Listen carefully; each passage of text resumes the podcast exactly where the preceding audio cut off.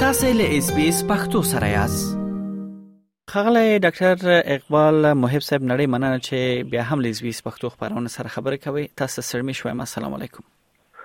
الخیل صاحب تاسو ته او تاسو درنو اوریدونکو ته خپل سلامونه وړاندې کوم مننه چې زه مو بیا په برنامه کې ملما کړم خوشاله اوسې مننه خغل اقبال صاحب لدی خبره به تاسو هم خبرې ځکه چې ټول نړۍ خبره ده په افغانستان کې د القاعده مشر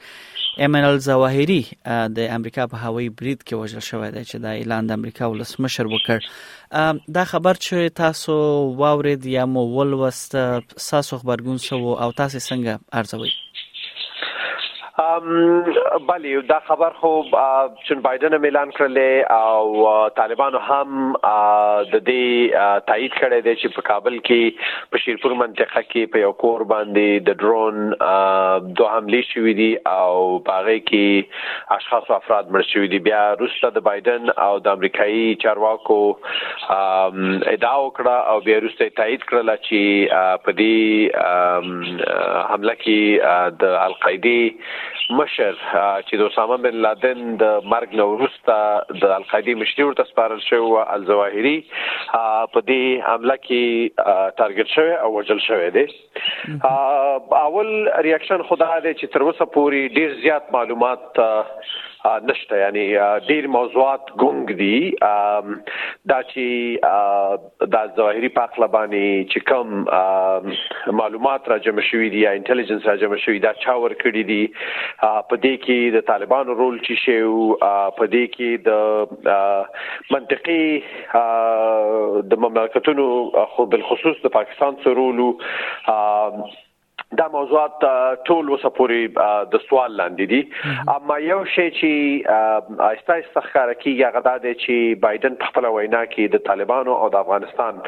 د طالبانو بیخي ذکر ورنکړل او د افغانستان فقط یو ځل ذکر وکړل او طالبانو هم یو ډیره داسي لنډه او ډیره دسی ډیره دسی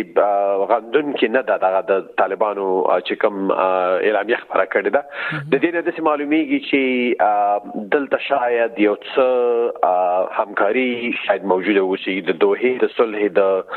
قرارداد او د غیر انکسونو په اساس باندې شاید کومه موضوع یا کومه معامله موجوده وسی موجوده وي ولې اقبال صاحب په زړه پورې دا ده چې طالب چارواکي او امریکا چارواکي دواړه په یو بل باندې تور پورې کوي او وایي چې دا د دوه تړون خلاف عمل دی یو دا چې طالبان تورنوي چې القاعده ته او یا دایښ جله ته چې د دواړو ذمہ له طالبانو اخیسته و شورته بزاین ورکوي او چې د القاعده مشر په کابل کې هغه هم په یو ملمسون کې دی وژل کیږي دا هم سوالونه را برسیره کوي او دغه ترڅنګ طالبان بیرته پر امریکا باندې تور پورې کوي چې پر افغانستان باندې دوی برید کړی دی تاسو دغه دوه لوري ادعاوې څنګه ارزوي مشکل دلته د څه دی چې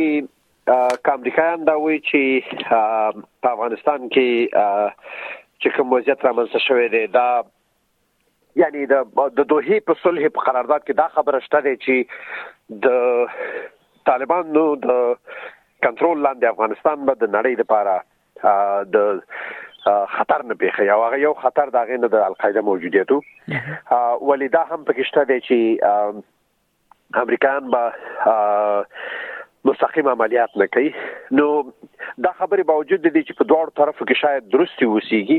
ولی هغه مخفي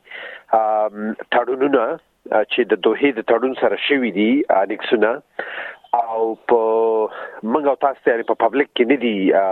عمومي خلکو ته نه دي ښکار شوی په هغه کې هم بعضې داسې موارد شته دی چې هغه د تروریزم په مقابل کې جګړه یا د کاونټر تروریزم چې کوم دغه دي عملیات دي په هغه کې دواړه طرفونه په دې عملیاتو کې یو بل ته تعهدات لري او هغه تعهدات د همکارۍ تعهدات هم دي چې یعنی یو طرف معلومات ټولوي او شریکول بکې او بل طرف شاید چې د حق لري چې کله چې دغه څه لیول کې تریټ وي یا دغه څه لیول کې خطر موجود وي په افغانستان کې بیا په عمل کې داخل شي او یو یو عملیات وکړي بل بل خپل سبي سوال ته دا پیدا کیږي چې د القاعده نوم کې دی شي تاسو په ډیر سو کلونو ورسېو کې نه یو سره مخ شوی یا تاسو اوریدلې حتی نه وي ځکه چې دغه فعالیتونه هم هم داسې کم رنګول ځکه په چیرې هم د د ترهګریزو بریدونو په په دې ورسېو کې ذکر کېده نو د القاعده نوم پکې داسې ورک وو اوس القاعده نوم بیرته را برسېره کیږي او هغه هم کې چیرې داسې پټ پټ تړونونه لکه څنګه چې تاسو لیکې دی چې دغه دوه تړون کې شوی وي نو آیا د القاعده مشر له دومره وخت چې دوی ځان پټ ساتلی وو او بیا راځي په کابل کې چې بیا هم دلته یعنی د هر رقم معاملې ښکار کېدای شي دا څنګه ارزوي آیا د غوي یو اعتبار وو آیا لکه دا موضوع واقعا چې پیچلې ده ډیره پیچلې ده تاسو ډیر مهمه نقطه ته علي خیل صاحب تاسو دغه وکړه اشاره وکړه چې دغه د اعتماد یا د اعتبار موضوع به د القاعده او د طالبانو ترمنځ څنګه کیږي رسته د دې واقعي نه زه فکر کوم چې دا واقعیا به په ډیرو کړیو کې په افغانستان کې او په نړیوالو اسلامیست ګروپونو او تروریستي ګروپونو ترمنځ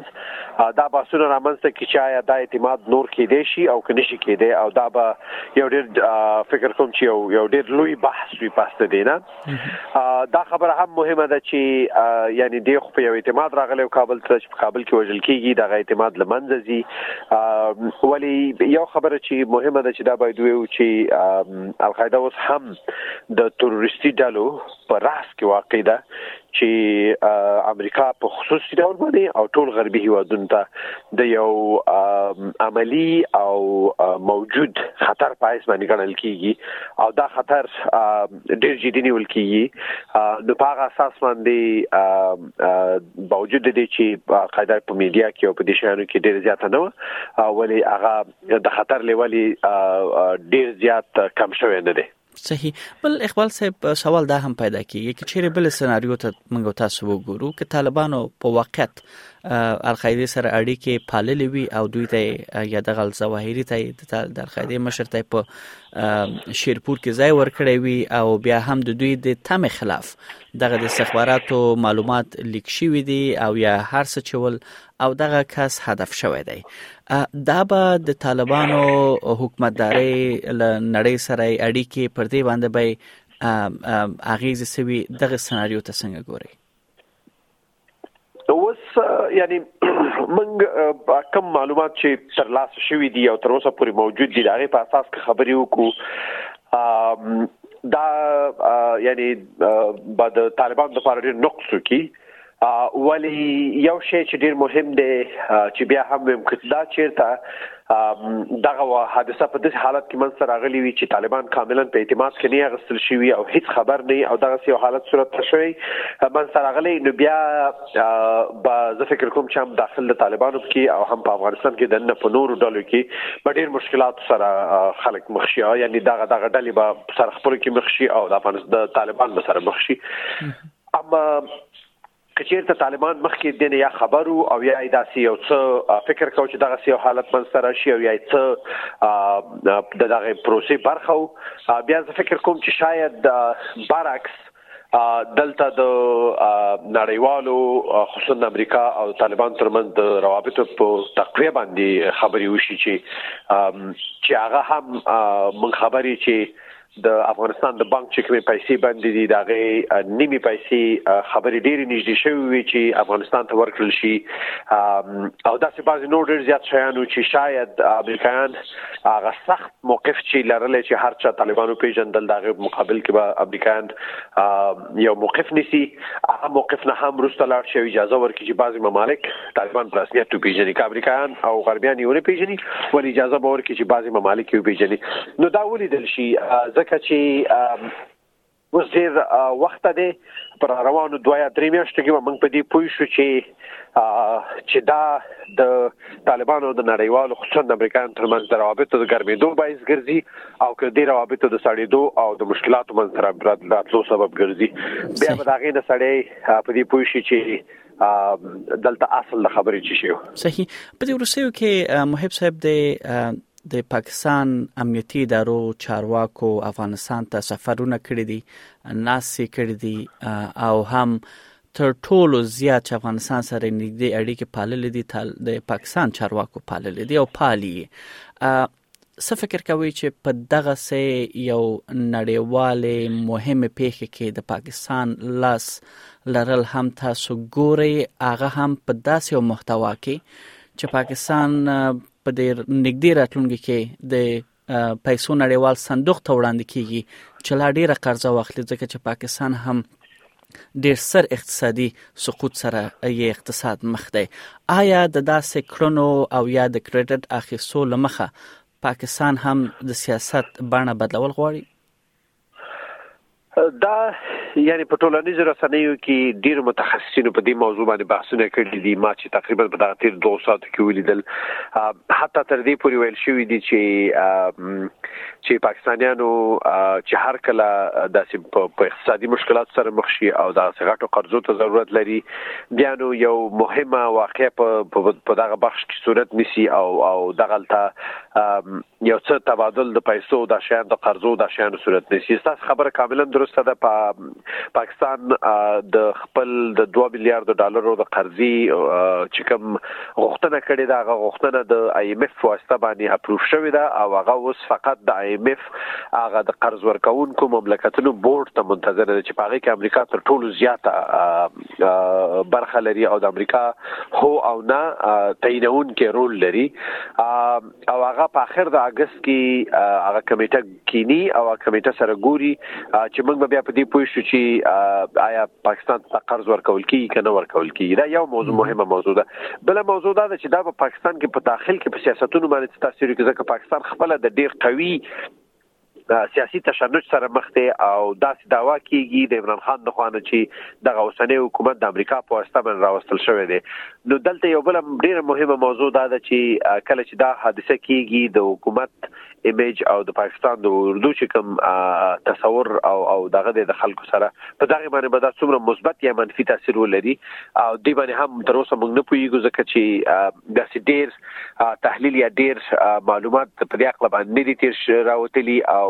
ډیر کم وخت تیر شوی دی چې یو څوک په یو مشخص نظر په دې اړه باندې ولري ول زه فکر کوم چې دغه یو مهمه موضوع ده چې باید پام ورته وشي چې پر روان یو میاشت نیمه کې په پاکستان په سیاسي کړیو کې او او او امنیتي او اجتماعي کړیو کې د دې موضوع په اړه باندې څه رقم فکر او څه رقم نظریات رامنځته کیږي صحیح نړۍ مننه خغل اقبال صاحب پرختیا هم چې مسله ډیره زیاته لویه ده او اړخونه ډیر زیات دي او معلومات لکه څنګه چې تاسو ورته اشاره وکړه اوس ډیر لږ دي چې موږ تاسو ورته لاسرسي لرو ول بیا هم ټول اړخونه باندې تاسو رڼا واچوله البته ټول نشم ویلای ول ډیر اړخونه باندې نو نړۍ مننه لوخنه مو تاسو خوشاله اوسئ